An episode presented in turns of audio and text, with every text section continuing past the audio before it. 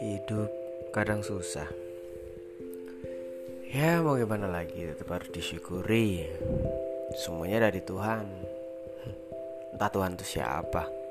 Tapi semuanya tercukupi. Ya aku bersyukur aja.